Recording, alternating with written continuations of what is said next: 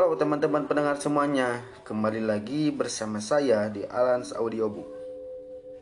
Nah, kita langsung saja lanjut kepada bab selanjutnya yaitu episode 11 berjudul Aristoteles. Selamat mendengarkan. Ketika ibu sedang menikmati tidur siang, Sophie pergi ke sarang dia telah memasukkan segumpal gula ke dalam amplop merah jambu dan menulis kepada Alberto Knox di luarnya. Tidak ada surat baru, tapi setelah beberapa saat, Sophie mendengar anjing itu mendekat. Hermes, dia berseru. Dan saat berikutnya anjing itu telah menembus jalan ke dalam sarang dengan sebuah amplop coklat besar di mulutnya. Bagus, kata Sophie. Sophie melingkarkan tangannya ke tubuh anjing itu yang mendengus-dengus deng dan mendengus-dengus seperti seekor walrus. Sophie mengambil amplop merah jambu dengan gumpalan gula itu dan meletakkannya di mulut si anjing. Anjing itu merayap melewati pagar tanaman dan kembali berlari menuju hutan. Sophie membuka amplop besar itu dengan gelisah sambil bertanya-tanya dalam hati, apakah dalam surat itu akan dikatakan sesuatu tentang gubuk dan perahu? Amplop itu berisi halaman-halaman ketikan biasa yang disatukan dengan sebuah penyepit kertas, tapi masih ada selembar kertas lepas di dalamnya.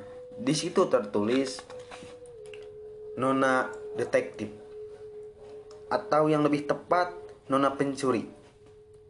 Yang terhormat, kasus itu telah diserahkan pada polisi. Oh tidak, cuma bercanda. Aku tidak marah. Jika kamu sama penasarannya untuk menemukan jawaban bagi teka-teki filsafat, akan kukatakan bahwa petualanganmu sungguh menjanjikan, hanya agak menjengkelkan bagiku, karena aku harus pindah sekarang. Tapi tidak ada yang patut disalahkan kecuali diriku sendiri. Kukira mungkin kamu memang orang yang akan selalu ingin menyelami segala hal sampai tuntas. Salam Alberto. Sophie merasa lega. Jadi Alberto tidak marah. Tapi mengapa dia harus pindah? Sophie mengambil kertas-kertas itu dan berlari menuju kamarnya. Akan bijaksana kalau dia berada di rumah ketika ibunya bangun. Dengan berbaring nyaman di atas tempat tidur tidurnya, dia mulai membaca tentang Aristoteles. Di situ tertulis filosof dan ilmuwan.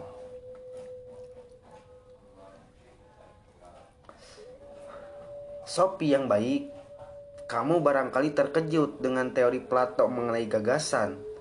Tapi bukan kamu saja, aku tidak tahu apakah kamu menelan semuanya. Setiap kata, setiap kalimat, atau apakah kamu mempunyai komentar kritis. Tapi jika memang kamu punya, kamu boleh yakin bahwa kritik yang sama dikemukakan oleh Aristoteles yang hidup pada tahun 384 sampai 322 sebelum Masehi.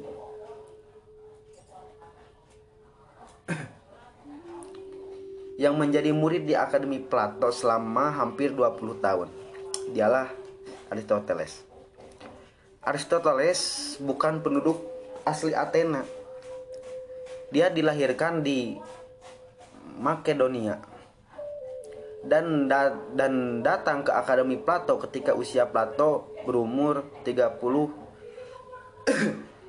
ketika usia Plato berumur 61 tahun. Aristoteles itu adalah eh, tepatnya ayahnya itu adalah seorang dokter yang dihormati dan karenanya juga seorang ilmuwan Latar belakang ini telah memberikan gambaran kepada kita tentang proyek filsafat Aristoteles.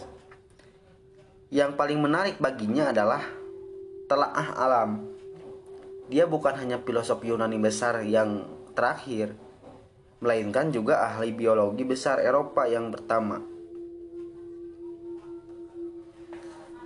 Dengan berlebihan dapat kita katakan bahwa Plato begitu keasikan dengan bentuk-bentuk kekal atau ide-ide sehingga dia tidak memerhatikan perubahan-perubahan alam. Nah, Aristoteles sebaliknya sangat sibuk memerhatikan perubahan-perubahan ini atau apa yang kini kita namakan proses alam. Untuk semakin melebih-lebihkannya, Dapat kita katakan bahwa Plato telah meninggalkan dunia indera dan menutup mata terhadap segala sesuatu yang kita lihat di sekeliling kita. Dia ingin melarikan diri dari gua dan memandang jauh ke dunia gagasan yang kekal.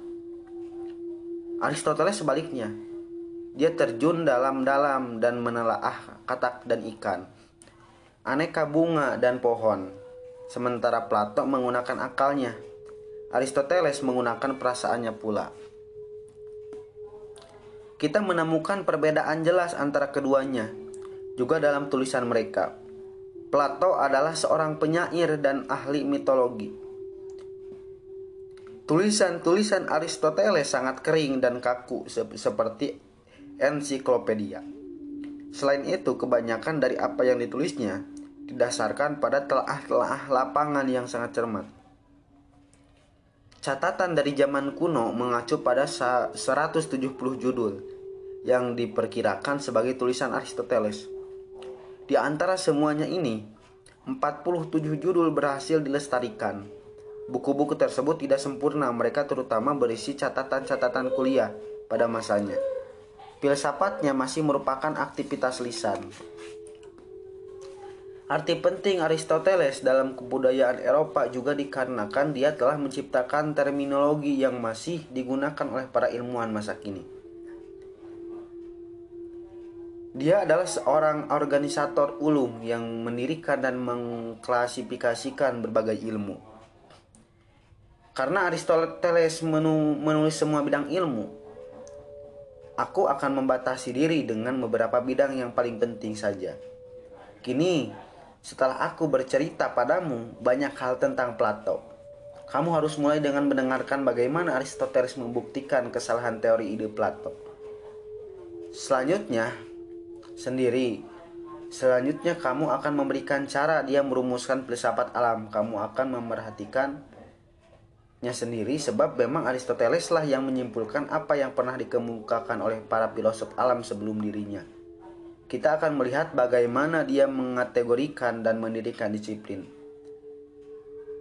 logika sebagai ilmu dan akhirnya aku akan memberitahukan kepadamu sedikit pandangan Aristoteles tentang manusia dan masyarakat. Tidak ada ide bawaan seperti para filosof sebelumnya.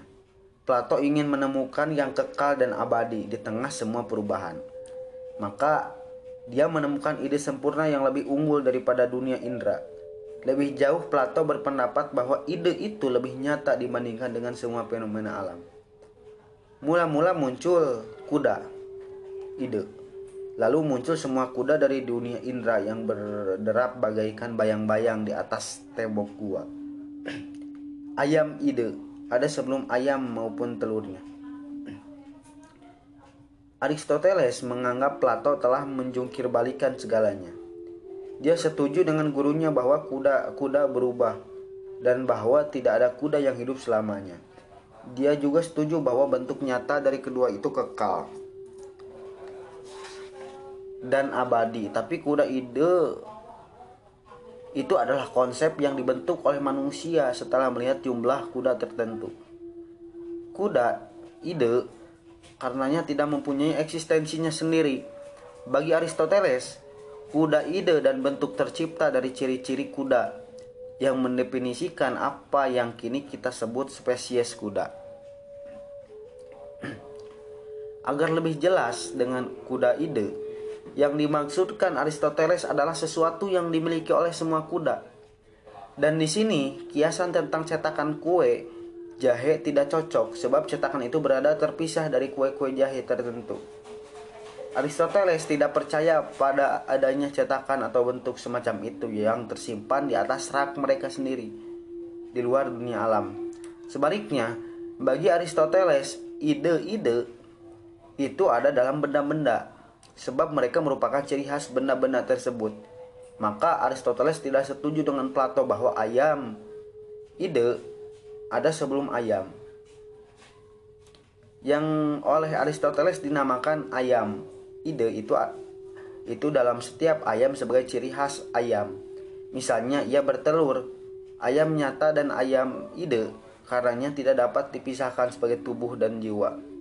Dan itulah sesungguhnya inti kritik Aristoteles atas teori Plato mengenai ide. Tapi kamu tidak boleh mengabaikan fakta bahwa ini merupakan peralihan pikiran yang ter, yang dramatis. Tingkat realitas paling tinggi dan dalam teori Plato adalah sesuatu yang kita pikirkan dengan akal kita. Sedangkan menurut Aristoteles, tingkat realitas tertinggi adalah sesuatu yang kita lihat dengan indera kita. Plato berpendapat bahwa semua benda yang kita lihat di dunia alam ini semata-mata cerminan dari benda-benda yang ada dalam realitas yang lebih tinggi daripada dunia ide. Dan itu adalah dalam jiwa manusia Aristoteles berpendapat sebaliknya. Benda-benda yang ada di dalam jiwa manusia itu sendiri mata cer mata mat semata-mata cerminan objek-objek alam.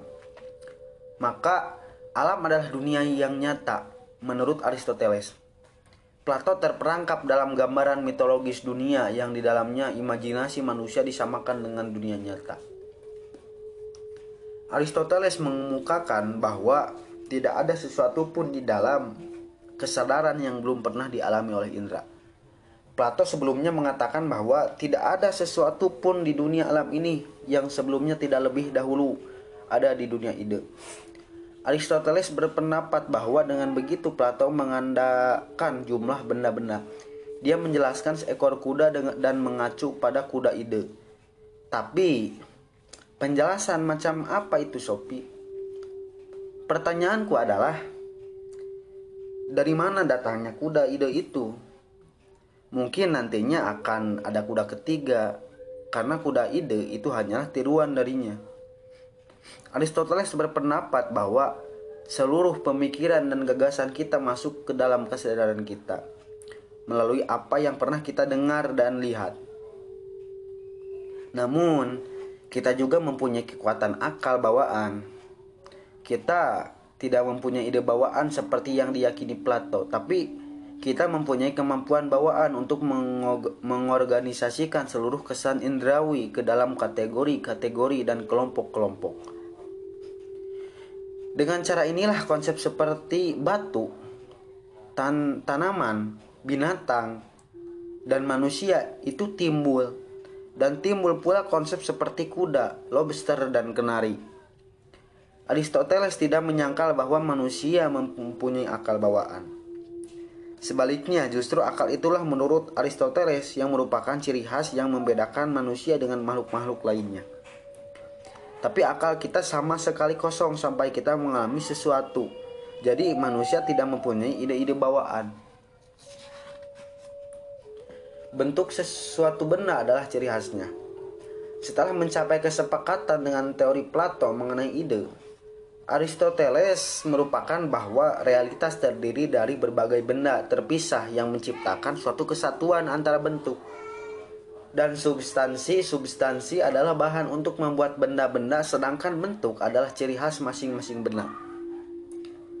Seekor ayam ribut berlalu lalang di depanmu Sopi berkotek secara bertelur serta bertelur. Maka dengan bentuk seekor ayam yang kita maksudkan adalah ciri khas spesies itu atau dengan kata lain hakikatnya jika ayam mati dan tidak berkotek lagi bentuknya tidak ada lagi satu-satunya yang tinggal hanyalah substansi ayam itu sungguh menyedihkan Sopi namun begitu ia bukan lagi seekor ayam seperti kukatakan sebelumnya, Aristoteles sangat memerhatikan perubahan-perubahan alam.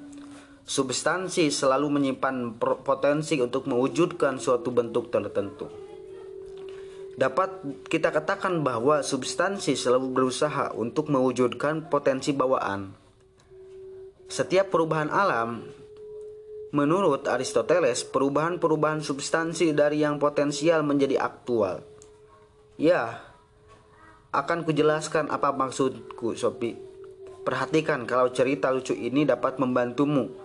Seorang pematung sedang mengerjakan sebuah balok granit besar. Dia menetak-netak balok tak berbentuk itu setiap hari.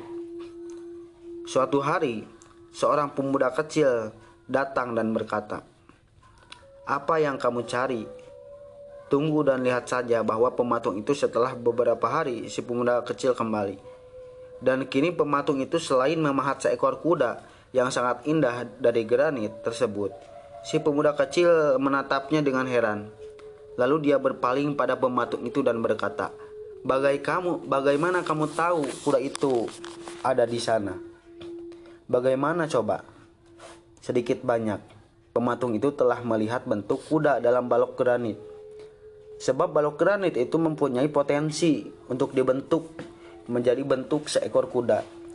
Demikian pula Aristoteles percaya bahwa segala sesuatu di alam ini mempunyai potensi untuk menjadikannya nyata atau mencapai suatu bentuk tertentu. Mari kita kembali pada ayam dan telur. Sebut sebutir telur mempunyai potensi untuk menjadi seekor ayam.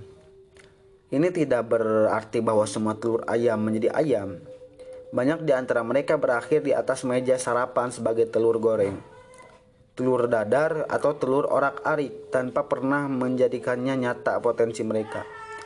Tapi juga jelas sekali bahwa sebutir telur ayam tidak dapat menjadi seekor angsa. Potensi itu tidak ada dalam telur ayam. Bentuk dari sesuatu karenanya menunjukkan batasan dan juga potensinya.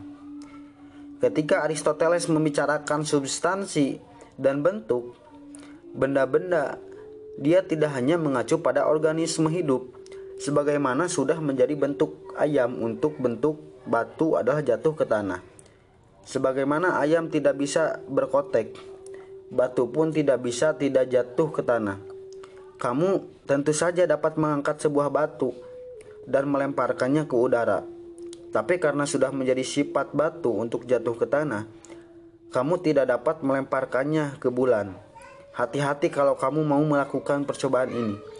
Sebab batu itu mungkin akan membalas dendam dan menemukan jalan paling dekat untuk kembali ke tanah.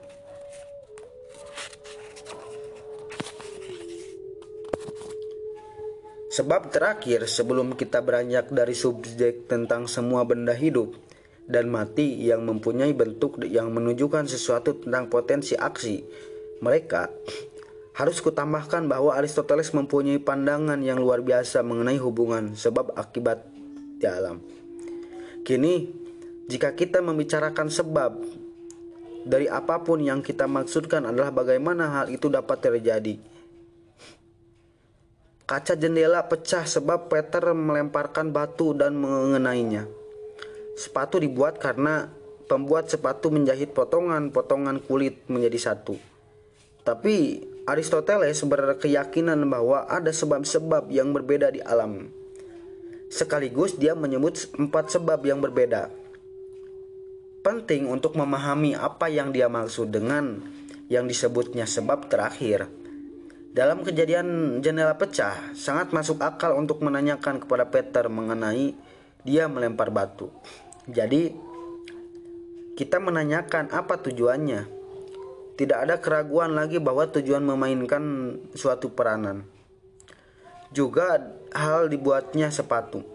Tapi Aristoteles juga mempertimbangkan tujuan yang sama ketika memikirkan proses-proses alam. Inilah contohnya. Mengapa hujan turun, Sopi? Kamu mungkin telah belajar di sekolah bahwa hujan turun karena uap di awan mendingin dan memadat menjadi titik-titik air hujan yang berjatuhan ke bumi.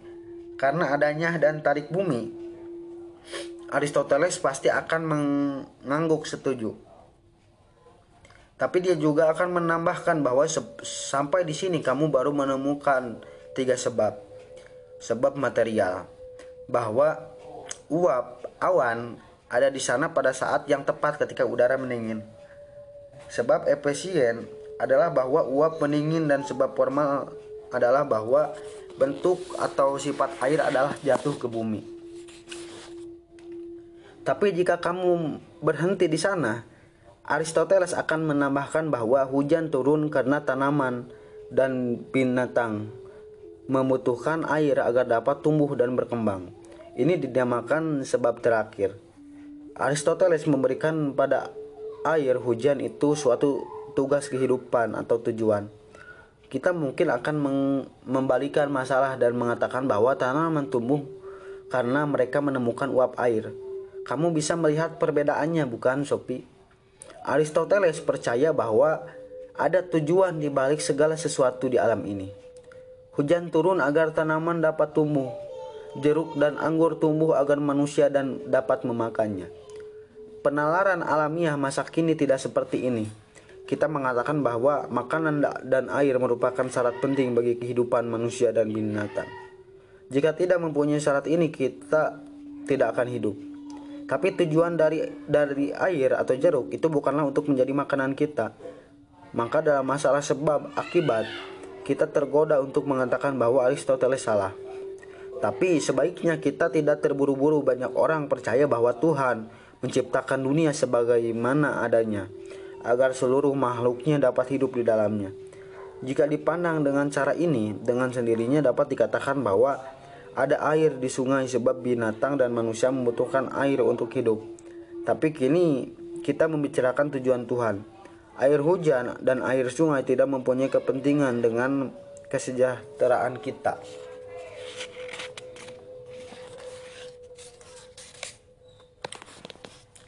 Judul kedua di dalam amplop tersebut berjudul logika. Nah, perbedaan antara bentuk dan, dan substansi memainkan peranan penting dalam penjelasan Aristoteles tentang tentang cara memandang benda-benda di dunia. Ketika kita melihat benda-benda, dia menggolongkan mereka dalam berbagai kelompok atau kategori. Aku melihat seekor kuda. Lalu aku melihat kuda lainnya dan yang lainnya. Kuda-kuda itu tidak persis sama, tapi mereka mempunyai sesuatu yang sama. Dan sesuatu yang sama itu adalah bentuk kuda. Semua yang membedakan atau bersifat individual termasuk ke dalam substansi kuda itu. Dengan demikian kita bisa mengelompokkan segala sesuatu. Kita memasukkan sapi ke kandang sapi kuda ke kandang kuda, babi ke kandang babi, dan ayam ke kandang ayam. Hal yang sama terjadi ketika Sophie Amundsen merapikan kamarnya. Dia meletakkan buku di rak buku, buku sekolah di, atas, di tas sekolah, dan majalah di laci. Lalu dia melipat pakaiannya dengan rapi dan menyimpannya di lemari. Pakaian dalam di suatu dalam di satu rak sweater di rak lain, dan kasus kaki di dalam laci tersendiri, ter ketahuilah bahwa kita melakukan hal yang sama dalam benak kita. Kita membedakan benda-benda yang terbuat dari batu, benda-benda yang terbuat dari wol, dan benda yang terbuat dari karet. Tidak membedakan antara benda hidup dan benda mati, dan kita membedakan antara tanaman, binatang, dan manusia. Dapatkah kamu memahaminya, Sophie? Aristoteles ingin melakukan pembersihan besar-besaran dalam kamar alam. Ia ingin membuktikan bahwa segala sesuatu di alam termasuk dalam kategori dan subkategori yang berbeda-beda. Hermes adalah makhluk hidup, lebih khusus lagi seekor binatang. Lebih khusus lagi seekor binatang bertulang belakang, lebih khusus lagi seekor mamalia, dan lebih khusus lagi seekor anjing lebih khusus lagi seekor labrador dan lebih khusus lagi seekor labrador jantan. Masuklah ke kamarmu, Sopi. Ambillah sesuatu apa saja dari dari lantai. Apa pun yang kamu ambil akan kamu dapati bahwa yang kamu pegang itu termasuk ke dalam kategori yang lebih tinggi.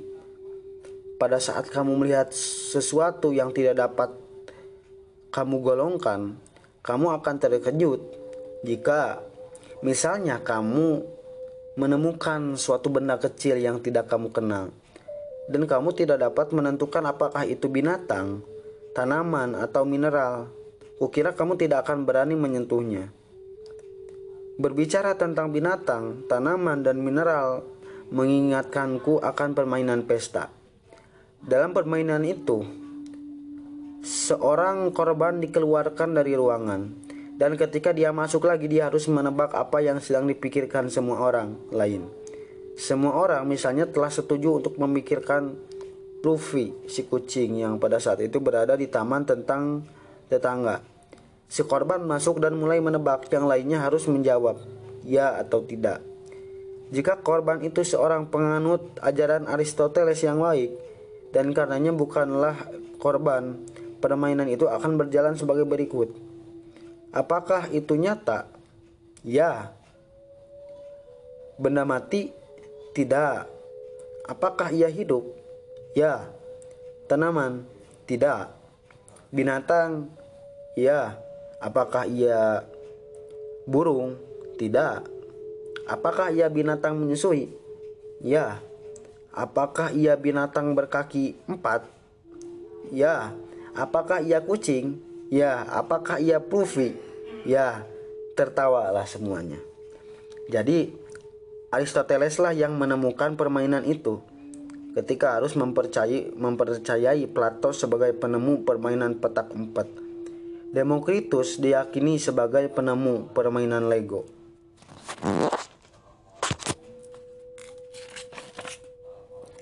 Aristoteles adalah seorang organisator yang teliti.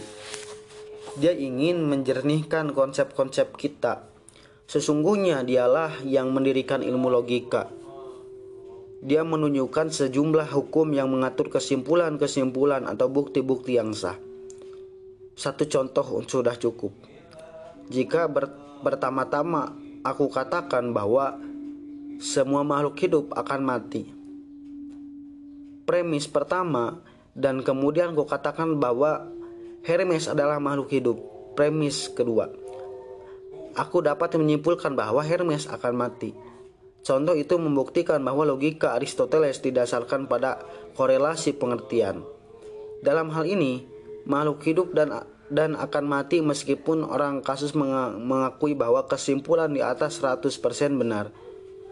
Kita juga boleh menambahkan bahwa itu hampir tidak menunjukkan sesuatu yang baru. Kita sudah tahu bahwa Hermes akan mati. Lalu adalah seekor anjing, dan semua anjing adalah makhluk hidup yang akan mati.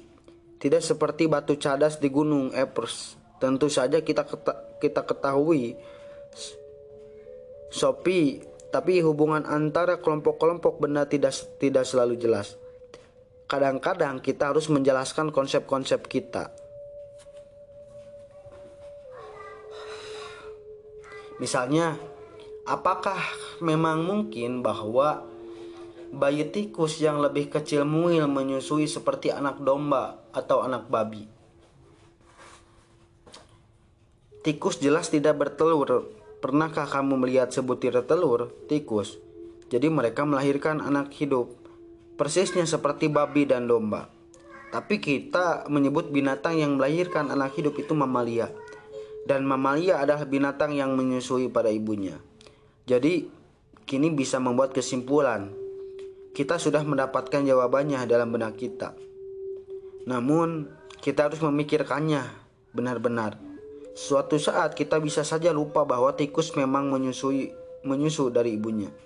Mungkin itu karena kita bisa tidak pernah melihat seekor bayi tikus sedang disusui. Alasannya sederhana yaitu bahwa tikus agaknya malu pada manusia ketika sedang menyusui anaknya. Tangga alam, judul ketiga. Ketika Aristoteles membuat penjelasan tentang kehidupan, pertama-tama dia menyatakan bahwa segala sesuatu di alam ini dapat dibagi menjadi dua kategori utama di satu pihak, ini dapat dibagi atau disebut benda mati, seperti batu, tetes air, atau gumpalan tanah. Benda-benda ini tidak mempunyai potensi untuk berubah. Menurut Aristoteles, Benda-benda mati hanya dapat berubah melalui pengaruh luar. Hanya benda hidup yang mempunyai potensi untuk berubah. Aristoteles membagi benda hidup ke dalam dua kategori. Yang satu terdiri dari tanaman dan yang lain adalah makhluk.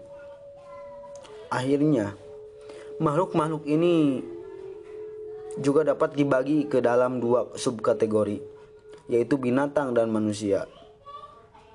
Kamu harus mengakui bahwa kategori-kategori dari Aristoteles itu jelas dan sederhana.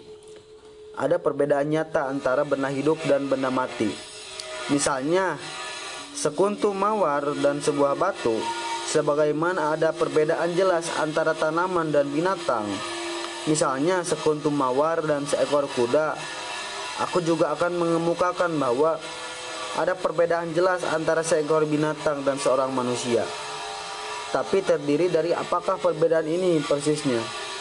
Dapatkah kamu mengatakannya kepadaku? Sayangnya aku tidak punya waktu untuk menunggumu. Menuliskan jawabannya dan memasukkannya ke dalam sebuah amplop merah jambu dengan segumpal gula. Maka aku akan menjawab sendiri pertanyaan itu ketika Aristoteles membagi fenomena alam ke dalam berbagai kategori. Kriterianya adalah ciri objek itu atau secara lebih khusus apa yang dilakukan atau apa yang dapat dilakukannya.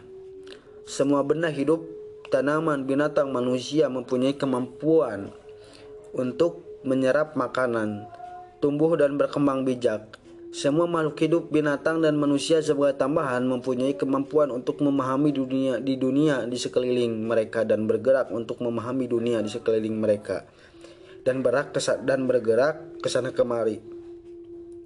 Lebih-lebih, semua manusia mempunyai kemampuan untuk berpikir atau mengatur persepsi-persepsi mereka ke dalam berbagai kategori dan golongan. Maka sesungguhnya tidak ada batasan tegas di dunia alam ini. Kita melihat adanya transisi sedikit demi sedikit dari tanaman sederhana hingga tanaman yang lebih rumit. Dari binatang yang sederhana hingga binatang yang lebih rumit. Di puncak tangga ini adalah manusia. Menurut Aristoteles, menjalani kehidupan alam sepenuhnya. Manusia tumbuh dan menyerap makanan seperti tanaman. Dia mempunyai perasaan dan kemampuan untuk bergerak seperti binatang tapi dia juga mempunyai ciri khas yang hanya dimiliki manusia, yaitu kemampuan untuk berpikir secara rasional. Oleh karena itu, manusia mempunyai sepercik akal ilahi. Sopi, ya aku akan, ya aku memang mengata, mengatakan ilahi. Berulang-ulang Aristoteles mengingatkan kita bahwa pasti ada Tuhan yang memulai semua gerakan di dunia alam ini. Oleh karena itu, Tuhan pasti berada di puncak paling atas tangga alam.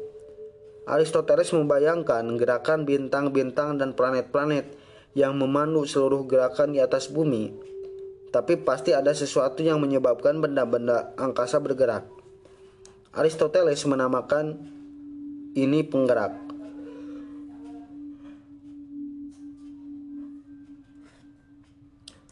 Pertama, ada Tuhan. Penggerak pertama itu sendiri tidak bergerak, tapi ia merupakan sebab formal dari gerakan benda-benda angkasa dan karenanya juga semua gerakan di alam ini. Judul keempat, etika. Mari kita kembali pada manusia, Sopi. Menurut Aristoteles, bentuk manusia terdiri dari jiwa yang mempunyai bagian yang menyerupai tanaman, bagian binatang dan bagian rasional dan kini kita bertanya bahwa bagaimana mestinya kita hidup? Apa yang diperlukan untuk menjalani kehidupan yang baik? Jawabannya, manusia dapat mencapai kebahagiaan dengan memanfaatkan seluruh kemampuan dan kecakapannya. Aristoteles berpendapat ada tiga bentuk kebahagiaan. Bentuk pertama kebahagiaan adalah hidup senang dan nikmat dan bentuk kedua adalah menjadi warga negara dan bebas dari bertanggung jawab. Bentuk ketiga adalah menjadi seorang ahli pikir dan filosof. Aristoteles selanjutnya menekankan bahwa ketiga kriteria itu harus ada pada saat yang sama agar manusia dapat menemukan kebahagiaan dan kepuasan. Dia menolak segala bentuk ketidakseimbangan. Jika dia hidup pada zaman ini, dia mungkin akan mengatakan bahwa seorang yang hanya mengembangkan tubuhnya pasti menjalani kehidupan yang sama. Tak seimbangnya dengan orang yang hanya memanfaatkan kepalanya. Kedua ekstrim itu merupakan ungkapan suatu cara hidup yang tidak sehat. Hal yang sama berlaku dalam hubungan antar manusia, yang di dalamnya Aristoteles mendukung jalan tengah. Kita tidak boleh bersikap pengecut dan tidak pula digabah. Tetapi berani, terlalu sedikit keberanian berarti pengecut. Terlalu banyak berarti gegabah. Tidak kikir dan tidak pula boros, tapi longgar. Tidak cukup longgar berarti kikir. Terlalu longgar berarti boros. Hal yang sama berlaku untuk makan. Akan berbahaya kalau kita makan terlalu sedikit, tapi juga berbahaya jika makan terlalu banyak. Etika Plato maupun Aristoteles menggermakan ajaran pengobatan Yunani. Hanya dengan menjaga keseimbangan dan kesederhanaan sajalah, maka aku dapat mencapai kehidupan yang bahagia atau selaras. Judul kelima, politik. Tercelaknya sikap ekstrim juga terungkap dalam, dalam pandangan Aristoteles mengenai masyarakat. Dia mengatakan bahwa manusia pada dasarnya adalah hewan politik. Tanpa masyarakat di sekeliling kita, kita bukanlah manusia sejati, katanya dia mengemukakan bahwa seorang semua orang perlu memuaskan kebutuhan pokok akan makanan, ke kehangatan, perkawinan, dan pendidikan anak. Tapi bentuk tertinggi persahabatan manusia hanya dapat dikemukakan dalam negara. Ini mendorong timbulnya pertanyaan bagi negara, sebaiknya diatur.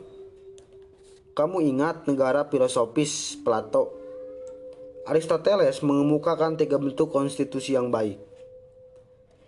Yang pertama adalah monarki atau kerajaan yang berarti hanya ada satu kepala negara.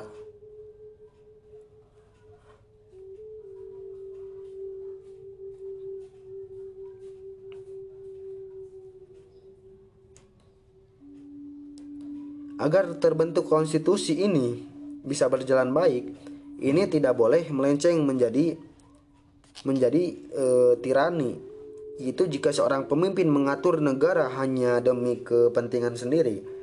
Bentuk konstitusi yang baik lainnya adalah aristokrasi yang di dalamnya ada sekelompok besar atau kecil. Pemimpin bentuk konstitusi ini hendaknya tidak melenceng menjadi oligarki, yaitu pemerintahan yang dijalankan hanya oleh beberapa orang. Contoh dalam hal itu adalah junta Bentuk konstitusi yang baik ketika ada adalah apa yang dinamakan Aristoteles politi yang berarti satu suatu demokrasi dapat dengan cepat berkembang menjadi pemerintahan oleh kawanan memburul. Bahkan jika si tiran Hitler tidak menjadi kepala negara Jerman, semua anggota Nazi di bawahnya dapat membentuk Mobrul yang mengerikan. Judul ke-6 pandangan mengenai wanita. Akhirnya, mari kita pelajari pandangan Aristoteles mengenai kaum wanita. Sayangnya pandangannya tidak begitu menggembirakan sebagaimana pandangan Plato. Aristoteles lebih cenderung untuk percaya bahwa kaum wanita itu tidak sempurna dalam beberapa hal. Seorang wanita adalah pria yang belum lengkap. Dalam hal reproduksi, wanita bersikap pasif dan reseptif Sementara pria aktif dan produktif. Karena anak hanya mewarisi sifat-sifat pria. Kata Aristoteles, dia percaya bahwa semua sifat anak berkumpul lengkap dalam sperma pria. Wanita adalah ladang yang menerima dan menumbuhkan benih. Sementara pria adalah yang menanam. Atau dalam bahasa Aristoteles, pria menyedi menyediakan bentuk, sedangkan wanita menyumbangkan substansi. Tentu saja mengejutkan sekaligus patut disayangkan bahwa seorang wanita yang begitu cerdas dapat begitu keliru mengenai hubungan antara dua jenis kelamin. Tapi ini membuktikan dua hal. Pertama, bahwa Aristoteles pasti tidak mempunyai banyak pengalaman praktis menyangkut kehidupan kaum wanita dan anak-anak. Dan kedua, itu menunjukkan betapa segala sesuatu dapat menjadi demikian kacau jika hanya jika hanya kaum pria dibiarkan menguasai bidang filsafat dan ilmu pengetahuan. Pandangan Aristoteles yang keliru mengenai jenis kelamin itu sangat membahayakan, sebab justru pandangannya dan bukan pandangan Plato yang berpengaruh sepanjang abad pertengahan. Gereja karenanya mewarisi pandangan tentang wanita yang sama sekali tidak ada landasannya dalam Bible. Yesus jelas bukan pembenci wanita, Aku tidak akan mengatakan apa-apa lagi, tapi kamu akan mendapatkan kabar dariku. Ketika Sophie telah membaca bab mengenai Aristoteles satu setengah kali, dia mengembalikannya ke dalam amplop coklat dan tetap duduk, menatap ruang di hadapannya. Tiba-tiba dia sadar betapa berantakan di sekelilingnya. Buku-buku akan penjilid buku berbentuk cincin bertebaran di atas lantai. Kasus kaki di sweater, celana ketat, dan jeans setengah menggantung di luar lemari dinding. Di atas kursi di depan meja tulis ada setumpukan besar pakaian kotor. Sophie merasakan keinginan yang tak tertahankan untuk membersihkan kamarnya. Yang pertama-tama dia melakukannya adalah menarik semua pakaiannya keluar dari lemari dinding dan menumpahkannya ke atas lantai. Dia merasa perlu merapikan semuanya dari awal lagi. Lalu dia mulai melipat barang-barangnya dengan sangat rapi dan menyimpannya dengan teratur di atas rak. Pada lemari dinding itu ada tujuan ada tujuh rak. Satu untuk pakaian dalam, satu untuk kaos kaki dan celana ketat, dan satu lagi untuk jeans. Sedikit demi sedikit dia mengisi setiap rak. Dia tidak pernah mempertanyakan di mana menyimpan sesuatu. Pakaian kotor masuk ke sebuah tas plastik yang dikemukakan temukannya di rak paling bawah. Tapi ada sesuatu yang aneh. Sebuah kaos kaki putih setinggi lutut masalahnya kaos itu hanya satu lebih-lebih. Itu bukan milik Sophie. Dia mengamatinya dengan cermat. Tidak ada tanda-tanda yang dapat menunjukkan pemiliknya. Tapi Sophie mempunyai kecurigaan keras mengenai siapa pemiliknya. Dia melemparkannya ke rak paling atas agar jadi satu dengan Lego kaset video, dan selendang sutra merah. Dia telah menyediakan rak paling atas pada lemari dindingnya khusus untuk benda-benda semacam itu. Itu adalah satu-satunya tempat di kamar itu yang tidak dapat sepenuhnya dikontrol.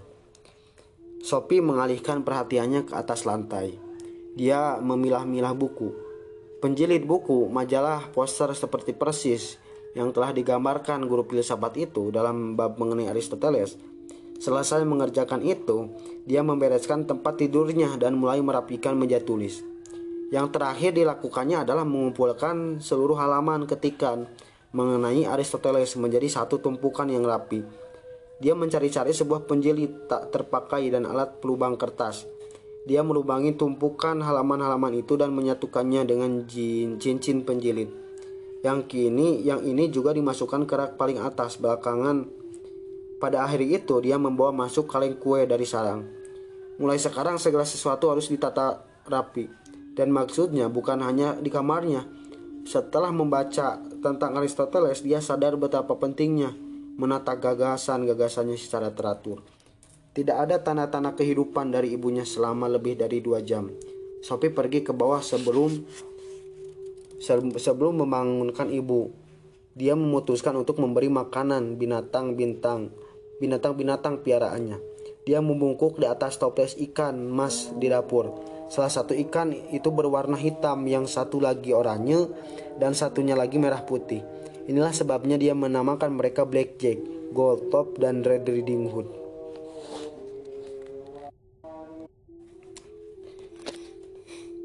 Ketika dia memercikan makanan ikan di dalam air, dia berkata, "Kalian termasuk makhluk hidup." Di alam di dalam ini. Kalian dapat menyerap makanan. Kalian dapat berkembang dan berkembang biak sendiri. Lebih khusus lagi, kalian termasuk golongan binatang. Maka kalian dapat bergerak ke sana kemari dan melihat-lihat dunia. Lebih tepat lagi kalian adalah ikan. Lah kalian bernapas dengan insang dan dapat berenang ke, dap ke depan dan belakang di dalam air kehidupan. Sophie meletakkan kembali tutup toples makanan ikan. Dia sangat puas dengan caranya mendudukan ikan mas itu pada tangga alam. Dan terutama dia sangat puas dengan uang dengan ungkapan air kehidupan. Maka kini giliran burung parkit. Sophie menuangkan sedikit makanan burung ke dalam cangkir. Makanan mereka dan berkata, Smith dan semua yang baik. Kalian telah menjadi parkit-parkit kecil tersayang. Sebab kalian berkembang dari telur-telur parkit kecil. Dan karena telur-telur ini mempunyai potensi untuk menjadi parkit, untunglah kalian tidak menjadi burung beo yang suka berkuak-kuak. Sophie selanjutnya masuk ke kamar mandi besar, tempat kura-kuranya yang lembam menekam dalam sebuah kotak besar. Sekali lagi ketika mandi, ibu berteriak mengancam akan membunuh kura-kura itu suatu hari nanti. Tapi selama ini ancaman itu hanya gertak sambal. Sophie mengambil daun selada dari sebuah toples selai besar dan meletakkannya di dalam kotak. Gopinda yang baik, katanya. Kamu bukan salah satu binatang tercepat, tapi jelas kamu mampu mengindrai sedikit bagian dari dunia amat sangat besar. Tempat kita hidup. Kamu harus puas dengan kenyataan bahwa kamu bukan satu-satunya yang tidak dapat melampaui batas dirimu sendiri. Serekan barangkali sedang berburu tikus. Memang begitulah sifat kucing. Sophie melintasi ruang duduk menuju kamar tidur ibunya. Sebuah pas berisi bunga Daffodil berdiri di atas meja kopi. Seakan-akan bunga kuning itu membungkuk dengan hormat ketika Sophie lewat. Dia berhenti berhenti sejenak dan membiarkanku membiarkan jari-jarinya menyapa pucuk-pucuk mereka yang lembut. Kalian termasuk bagian kehidupan alam pula, katanya. Sesungguhnya kalian telah mendapatkan hak istimewa dibandingkan dengan pas tempat kalian ditaruh. Tapi sayangnya, Kalian tidak mampu menghargainya. Lalu Sophie berjingkat menuju kamar tidur ibunya. Meskipun ibunya sedang pulas tidur, Sophie meletakkan sebelah tangannya ke dahi wanita itu. Ibu salah seorang yang paling beruntung, katanya. Sebab ibu bukan sekadar hidup seperti bunga bakung di kebun. Dan ibu bukan pula sekadar makhluk hidup seperti serekan atau bepindah. Ibu adalah manusia dan karenanya memiliki kemampuan berpikir yang langka. Sedang bicara apa kamu Sopi? Ibunya terbangun lebih cepat dari bias dari biasanya. Aku akan mengatakan bahwa ibu tampak seperti si kura-kura pemalas. Kalau tidak, aku akan memberitahu ibu bahwa aku telah merapikan kamarku dengan kecermatan filosofis. Ibu mengangkat kepalanya. Aku akan ke sana katanya. Kamu yang bikin kopi ya, kata ibu. Sophie melakukan apa yang disuruh, dan mereka segera duduk di dapur menghadapi kopi, sari buah, dan coklat. Tiba-tiba Sophie berkata, Pernahkah ibu bertanya, tanya mengapa kita hidup, bu? Oh, jangan dimulai lagi. Ya, sebab kini aku tahu jawabannya. Kita hidup di planet ini agar ada manusia yang dapat memberi nama pada segala sesuatu. Begitu. Aku tidak pernah memikirkannya, kata ibu. Makanya, ibu punya masalah besar. Manusia adalah binatang yang berpikir. Jika ibu tidak berpikir, ibu bukan manusia sesungguhnya. Sophie, bayangkan jika hanya ada tanaman dan binatang. Maka tidak akan ada yang memberitahu perbedaan antara kucing dan anjing atau bunga bakung dan buah perambus tanaman dan binatang hidup ju hidup juga. Tapi hanya kitalah makhluk yang dapat membagi-bagi alam ke dalam kelompok-kelompok dan kelas-kelas yang berbeda. Kamu benar-benar anak gadisku yang paling istimewa, kata ibunya. Kuharap begitu, kata Sophie. Setiap manusia itu sedikit banyak memang istimewa. Aku seorang manusia, maka aku sedikit banyak istimewa. Ibu hanya mempunyai seorang anak gadis. Maka aku menjadi yang paling istimewa. Yang kumaksudkan adalah bahwa kamu membuat aku ketakutan di siang bolong begini dengan semua pembicaraan baru itu. Kalau begitu, ibu sangat mudah dibuat takut. Sore itu, Sophie kembali ke sarang. Dia berusaha untuk menyeludupkan kaleng kue besar itu ke kamarnya tanpa ketahuan ibu. Mula-mula, dia menempatkan seluruh halaman itu dengan urusan urutan yang benar. Lalu dia membuat lubang-lubang dan memasukkannya pada penjelit cincin. Di depan bab mengenai Aristoteles, akhirnya dia menomori setiap halaman di sudut kanan atas. Semuanya ada lebih dari 50 halaman. Sophie sedang dalam proses menyusun buku filsafatnya sendiri. Memang bukan dia yang menulis tapi ditulis tapi tapi khususnya khusus untuknya. Dia tidak punya waktu untuk mengerjakan pekerjaan rumahnya untuk hari Senin. Barangkali mereka akan ujian mata pelajaran agama. Tapi gurunya selalu mengatakan bahwa dia menghargai komitmen pribadi dan mendapat pendapat murid mengenai moral. Sophie merasa dia mulai memiliki dasar kuat untuk keduanya. Selesai.